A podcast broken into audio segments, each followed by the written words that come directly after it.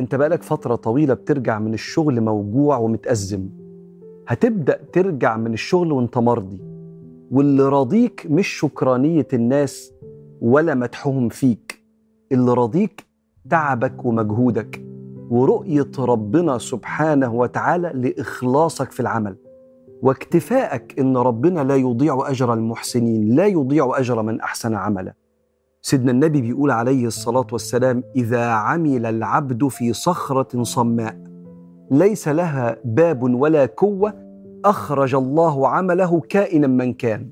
معنى الحديث لو أنت شغال جوه صخرة لا ليها باب ولا ليها فتحة. يعني أنت في حتة مضلمة مقفولة محدش شايفك. ربنا هيظهر عملك ده في الوقت المناسب. علشان كده هيحصل لك الاستقرار. وهتبقى من أصحاب الحال اللي النبي قال عليه عليه الصلاة والسلام ارضى بما قسم الله تكن أغنى الناس.